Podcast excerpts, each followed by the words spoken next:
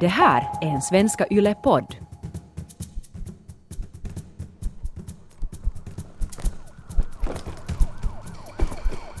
Så står jag där och det bara rinner pengar över mig. Några hundratusen, kanske hundra, tvåhundratusen euro så rakt över mig. Jag tog en sekund och bara tittade ner vid fötterna och det var bara så mycket sedlar och, och jag stoppade ner och bara tog två nävar och bara stoppade ner i byxfickan och två nävar till och bara, och bara tryckte byxorna bara med, med lite pengar.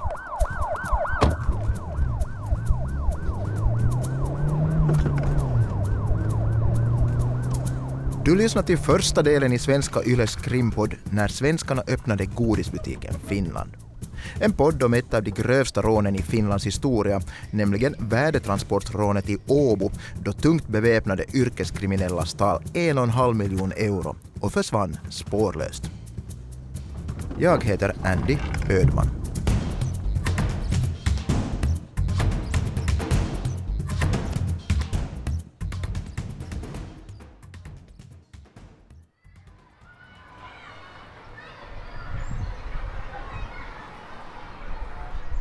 Anders Adali är i början av 2000-talet en till synes helt vanlig medelsvensson som bor med sin sambo i Stockholm.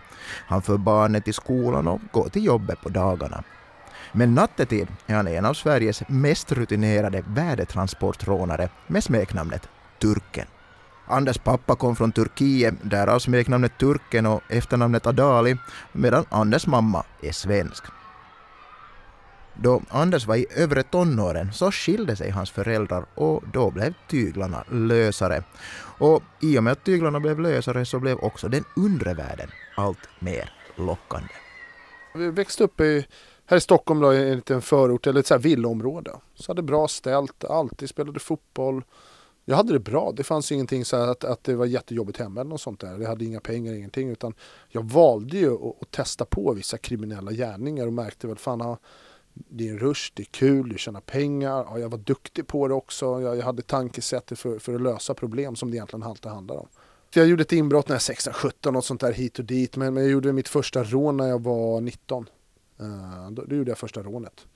Uh, och det var inget, då är det så här butiksrån och sen en liten värdetransport. Men det tog tid. Jag som sagt, jag höll inte på med så här eh, ung brottslighet som många höll på. Småråna och det och sälja. Det gjorde jag. gjorde inget. Jag spelade fotboll tills jag var 16-17 fem dagar i veckan som jag tog och skötte mig. Liksom. Hur kom du in sen i de kriminella kretsarna? Jag vet precis, jag jobbade på en, en Statoilmark, det är Circle K, det är som ABC. Började jobba natt mitt inne i Stockholm city, det var öppet dygnet runt. Och efter en ve vecka blev jag, blev jag erbjuden ganska snabbt att börja jobba som dörrvakt. Eh, så började jag som dörrvakt ute förut på en väldigt stökigt ställe, det var mycket våld och väldigt grovt kriminella killar. Så att när jag började jobba där, du vet, det tog några veckor, tog jag mitt första kassaskåp, började sälja droger, började kopiera kreditkort, började jobba som, alltså det gick jättesnabbt där liksom. Och sen började jag träffa polare som jag kände som hade gjort rån och jag undrade men hur kan de vara kapabla till det liksom. Jag tycker jag är lite smartare, vassare så. Sen började jag planera rån på en gång. Det gick jättesnabbt det där. Alltså, det var från att jag började jobba natt på en bensinstation och jag träffade fel människor som kom in. Och då vi fann varandra i tycke liksom. Jag har, svår, jag har lätt att vara social om det.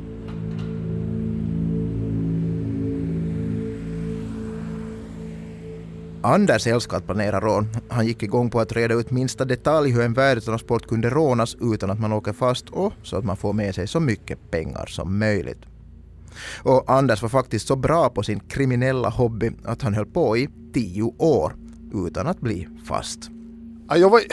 Ja, man, man ska inte säga glorifiera skryt, men jag var faktiskt duktig på det jag gjorde. Jag tänkte igenom allting. Eh, du vet, när, när jag var 21, alltså jag bodde i innerstan men då, då flyttade jag ut från Stockholm city. Jag slutade dricka när jag var 21 år. Jag slutade gå ut och festa, gå på klubbar, eh, umgås med kriminella och synas med kriminella, slutade jobba som dörrvakt. Uh, skaffa vanligt jobb och gjorde det här 9 5 Svensson-livet. Eh, och verkligen, och då jobbade jag, spelade jag, jag var sjukvårdsbiträde i två och ett halvt år. Du vet. Det är ju, jag levde Svensson-livet och fort när jag hade timmar över och det så när jag hade mina planer, då var det rån och grov kriminalitet som gällde. Jag verkligen separerade och ingen visste att jag hette Anders Adali. Men eh, som du sa, du hade barn och du hade sambo. Mm. Hur kunde en sån situation gå ihop och vanligt jobb? De måste ju reagera på någonting.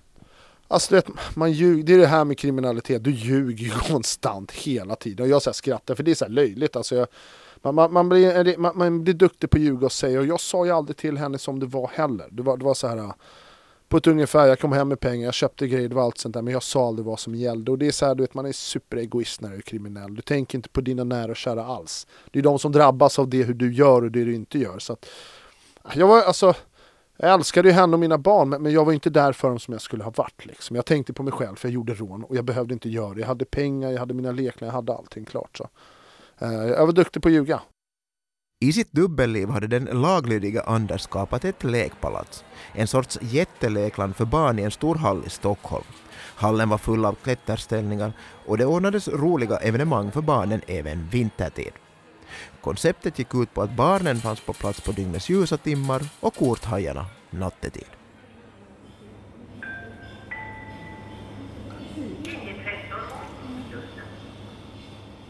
Hösten 2006 hände något som kom att bli vändpunkten i Anders liv. Gamla bekanta från kriminella kretsar bad honom komma till ett möte på en undanskymd liten fotbollsplan i stadsdelen Ropsten i Stockholm. Anders tänkte egentligen vid den här tiden att han skulle sluta med det kriminella livet, för han hade ju allt han behövde. Sambo, barn, företag och en hel del kontanter undanstoppade. Anders säger själv att han var miljonär i kronor flera gånger om, men han beslöt sig ändå för att gå på mötet i Ropsten. Väl framme vid mötesplatsen i Ropsten fick Anders reda på vad som var på gång, nämligen Finland. Anders vänner beskrev Finland som en godisbutik, som orörd mark för värdetransportrånare och att där, ja, där finns stora möjligheter. Skillnaden mellan Sverige och Finland är den att medan de svenska värdetransporterna på 1990-talet och i början av 2000-talet rånas per parti och minut så får de finska transportbilarna mer eller mindre vara i fred. De hade varit i Finland lite och kollat och sa så här, men det, är det Ja vad ska vi säga, vi, vi, kan inte vistas där, vi kan inte vara där liksom. Vi syns lite mycket på grund av vissa saker. Det var, de var lite mer utländskt påbrå hela gänget, det var ett gäng babbar liksom. Så att det, de, de kunde knappt gå där i Finland in på kiosker, folk tittade efter dem. Så de, de, de passade inte in. Så jag, jag vet för att man måste ju, man har en sociopatiskt beteende som är en diagnos som man har när man gör grova kriminella. Det är ju att anpassa sig efter situationen och omkring dig. Så det gäller ju klä dig, bete dig som alla andra och se ut som de andra. Och gör du inte det då sticker du ut ganska snabbt. Och, och i Finland är det, där sticker man ut snabbt om du, om du är utländskt påbrå och du beter dig på ett sätt. Speciellt om du är svensk kille. Liksom. Så vi, vi, det är lite så här alfahanar ut och bara, här är vi. Mm. Det funkar inte i Finland. Så att, eh, då sa man, vill du gå och titta bara? Vi har där uppe, vi har en kontakt, vill du gå och kolla? Så stack jag dit och bara träffade kontakten och tog en titt. Så, så tog jag över hela det helt enkelt och så, så gjorde vi en annan sak av det de hade ju en insider i, vid det här vaktföretaget. Det, det är alltså det är ju insider som ja, gäller precis. då man gör sånt här. Ja, alltså du kan inte göra ett stort rån utan en insider. Det är omöjligt och det finns på alla rån alltså ska jag säga. Om du inte går och tar en värdeväska hit och dit eller spränger en bankomat. Men stora värdetransportrån är 110-120 procent att du måste ha en som, som är informerad hur det ligger till, en insider, ett måste. Anders tog alltså emot erbjudande om att råna en penningdepå i Finland. Och penningdepån som hans polare spanat på vid vilken insidern en väktare jobbar ligger vid Satakuntavägen i Åbo, endast fyra kilometer från Salutorget. Men sagt och gjort. Efter mötet i Ropsten så beger sig en uppspelt Anders hem och googlar Finland och han googlar värdetransport och inser att Finland faktiskt är en orörd marknad. En potentiell godisbutik för just transportrånare. Anders åkte alltså över till Åbo för att se hur det ser ut och hur stor möjligheten är att göra en lyckad stöt där. Men det är ju inte så där bara för en yrkeskriminell att hoppa på en båt i hamnen som tar en till Åbo eller ta flyget från Arlanda. Nej, Anders ville komma obemärkt in och ut ur Finland. Första gången jag åkte dit, då åkte jag dit för att spana. Då tog jag med mig en som kan lite finska också så att jag har någon bredvid mig. Tog en bil härifrån diesel, gjorde hur mycket med mat och allting, matlådor tog med oss. Eh, vi vet att det är 240 milen och sånt där, det är 20-24 tim 22 24 timmar tar det att köra från Stockholm dit nonstop.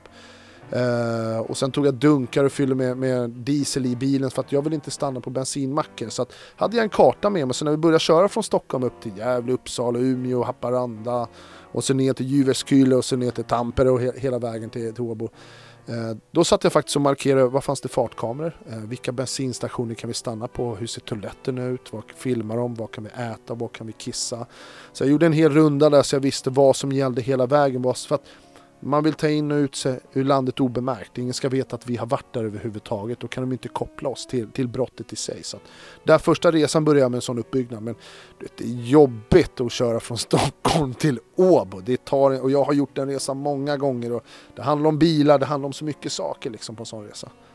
Och bilarna hade ju falska registernummer och så här. Ja, exakt. Vi hade, alltså det, det var ju bilar vi hade hämtat ut hyrbilar genom falska identitetskort och så körde vi dem en bit, sen bytte vi, satte på andra plåtar. Så det byttes under vägen, flera utländska plåtar hade vi, lite, lite alla möjliga eh, från EU som vi bytte på de bilarna. Så det var olika bilar varenda gång också. Anderssons kompisar förbrukar rätt mycket efedrin och energidricka för att hålla sig vakna under bilresorna. Och man testade också att ta sig till landet med båt mellan Stockholm och Helsingfors och till sist kom man fram till att det var smidigast att ta rutten Umeå-Vasa. Då man tog båt fanns det alltid en inhyrd chaufför med falsk legitimation som körde bilen medan Anders och hans kumpaner gömde sig på baksätet bakom tonade rutor.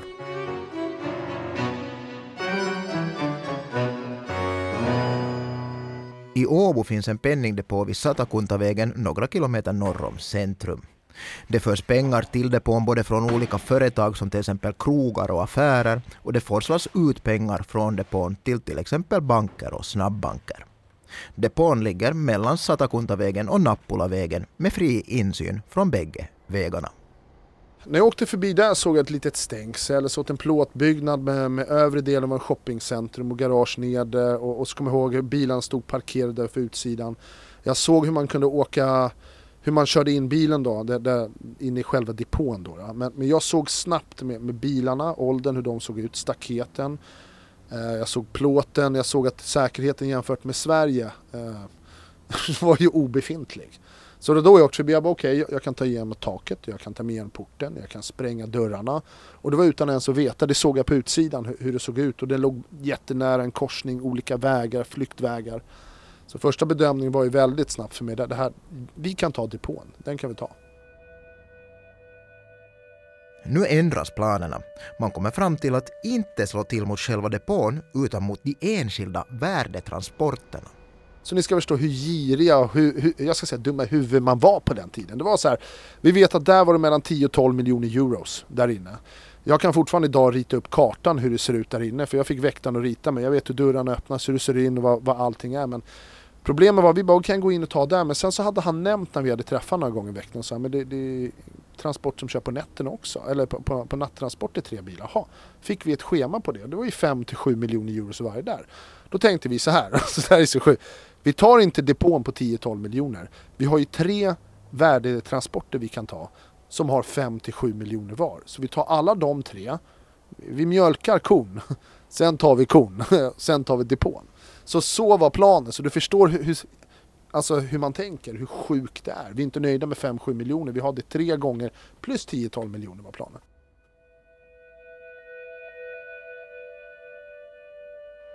På hösten 2006 bestämmer sig Anders för att slå till mot värdetransporten i Åbo. Anders tar kontakt med sin kompis Johan som han sedan länge var bra vän med och som han jobbat med ett antal gånger tidigare. Johan tände direkt på idén att sticka över till Finland och de började tillsammans smida planer på hur rånet ska gå till och vad de behöver för att kunna göra en stöt i Åbo. De träffar alltid insidern, alltså väktaren, på natten då det är mörkt och de har valt en avlägsen rastplats vid en landsväg i Pemar utanför Åbo som mötesplats. Vid rastplatsen finns en skogsdunge och i den stod alltid Anders och hans kumpaner med rånarluvor på då de träffade väktaren. Mörkret, träden och rånarluvorna skulle eliminera risken för att väktaren skulle kunna vittna mot dem ifall rånet skulle misslyckas. Väktarens uppgift var att ge detaljerad information om bilarnas körscheman, om hur pengarna i bilarna förvaras, om vilken sorts säckar eller lådor pengarna ligger i, om hur mycket pengar det finns i de enskilda bilarna, om hur väktarna jobbar och så vidare. En insider är oftast, till skillnad från till exempel Anders och hans kumpaner, inte yrkeskriminell och utgör därför alltid en risk. Anders e. är misstänksam mot väktaren, för det måste man vara eftersom insidern inte är handplockad och bekant sedan tidigare och dessutom kan man ju inte med säkerhet veta att han talar sanning. Nej, jag, jag vet av erfarenhet, han, han kan man inte lita på. Det, det är han som kommer vara den felande länken för han förstår aldrig riktigt allvarligt av vad som händer. För de är det häftigt, det coolt, lite pengar, träffa människor. Eh, de förstår inte konsekvenserna om vad händer om allt går åt helvete här. De förstår inte det. En väktare insider förstår inte det. det handlar, man är, måste ju vara manipulativ och du vet och få ut informationer så att han känner sig trygg. Men vi såg vi på en gång att han var en osäker person på kroppsbyggnaden, sättet han pratade, agerade och allting och det. Så vi var faktiskt jättenoga att träffa med han. var ju mitt i skogen, mitt i en dunge. Vi hade rånarluvor på oss, omöjligt för han, omöjligt kan jag säga för att han ska peka ut och säga att det är vi. Sen hade vi en stor puffra med oss också, en stor eh, Magnum 44 bara för att ha, bara för att, vi, för att man vill göra det intrycket, det är allvar nu liksom. Så, uh, ja, men han, var, han var väldigt osäker och rädd av sig i sättet. Det är obehagligt att träffa två killar med rånarluvor och ett vapen mitt i skogen. Trots att väktaren är uppenbart osäker och rädd så ger han alla detaljer som rånarna vill ha om värdetransporterna. Till exempel deras körrutter och hur väskorna med pengar fungerar. De hade ju GPS, eh, inte färgampuller och sånt där. Jag kan säga, jag kunde allt om de här bilarna för det var de gamla bilarna. Så, så allting visste med värdeväskorna. I och med att det här var flera år bakåt i Finland med säkerheten. Så att där låg vi dunderbra till. Det var vi som hade GPS-jammers och sånt som slutade all säkerhet. Det var vi som hade det. Eh, sen så han det alltid så vissa olika rutiner för vissa olika värdetransportföretag, hur de kör bilarna. Så att han gav ju oss egentligen en lista med en exakt körrutt, var bilen stannar, varför koder in, hur. Alltså, I Sverige får de inte ens den informationen, men han gav oss ett papper på det. Liksom. Här, det var som, va? så, eh, och så summor och tider och allting som gällde. Så det var, det var en helt annat eh, mot Sverige kan man inte jämföra. Det, det, det, var så, det här var någonting vi hade hållit på med för, för fem år sedan. Så långt efter var finnarna. Insidern beskrev också penningdepån utförligt, allt från hur den ser ut på insidan till hur man öppnar dörrarna till den. Vi visste så här att varje dag åkte en transport, eh, en viss tid, kvart i fem från depån åkte den eh, till finska banken varenda dag. Så att vi följde den och såg att den kom dit. Och det här såg vi första gången när vi följde efter den och såg att den åkte till finska banken. För då var jag redan där och så när, de, när portarna öppnades och bilen backade in, då gick jag bara förbi. Och så slängde jag en blänk in och då såg jag lastkajen, jag såg hur det var där allting. Jag bara okej. Okay. Perfekt, det är helt öppet där. Så såg jag hur gick runt. Sen packade ju de av, men i samma veva kom det en till värdetransport från en annan depå. Det fanns ju från ett annat företag. Som de, de kom nästan exakt samtidigt ibland och en kvart emellan. Så det var ju dubbla bilar egentligen från olika företag. Men Väntade på att de gick iväg därifrån. Eh, sen på kvällen gick jag tillbaks dit för då gick jag runt området och spanade. Det är så här, ja, jag såg där lucka, jag såg soptunnor där bak bra lokalsinne, jag hade sett husen där bakom. Så att jag gick runt och hoppade över grinden där på baksidan eh, vid området så att vi kom bakom banken. Bakom deras lastkaj där soptunnorna var. Och så såg jag staketet, klättrade upp egentligen på den här soptunnor så var jag, kunde jag hoppa över staketet och rakt in på baksidan av banken. och det är ju inte säkerhet, så får det ju inte vara. Så händer det aldrig i Sverige, så missgör man inte. Eh, och där såg jag pang, då, då, vi tar den här vägen. Det var inget snack om den saken. Och då kommer nästa att du ska tajma det och vara i flyktvägen. Så att man hittar den platsen så börjar man titta på en flyktväg därifrån. Eh, och sen måste man ju stå och titta några gånger när de kommer för att se vad är rutinen när de parkerar bak bilen. Hur lång tid tar det för dem att öppna och få ut pengarna? Eh, det vet vi ju inte utan vi behöver vara vi behövde ju vara när de backade in och parkerade bilen. Då behövde vi hoppa över. Så att vi hör när de jobbar och öppnar och börjar lasta ur. Och det är där själva tajmingen är. Att ta sig fram obemärkt, steg vid steg och slå till just vid rätt tillfälle. En tredje och viktig person har anslutit sig till kärntruppen med Anders och hans kompis Johan från Stockholm. Anders kallar den tredje killen för FN eftersom Johan har sagt att han kände honom från sin tid som FN-soldat. FN kunde flytande finska vilket var till nytta då han kunde ordna med praktiska saker i Åbo utan att sticka ut ur mängden. Bredvid bankens bakgård vid Kristinegatan finns ett höghus som har ena gaven mot Finlands bank medan den andra gaven vetter mot Aura å. På höghusets bakgård finns stora sopkärl som står radade mot muren till Finlands bank. Och via dem ser Anders att de kan ta sig över muren till värdetransporten på bankens gård. Nu gällde det bara att noggrant spana på banken och på värdetransporten och dess chaufförer. Man ville veta exakt när de kom till platsen, var de parkerade bilen och hur snabbt de tömde bilen på pengar.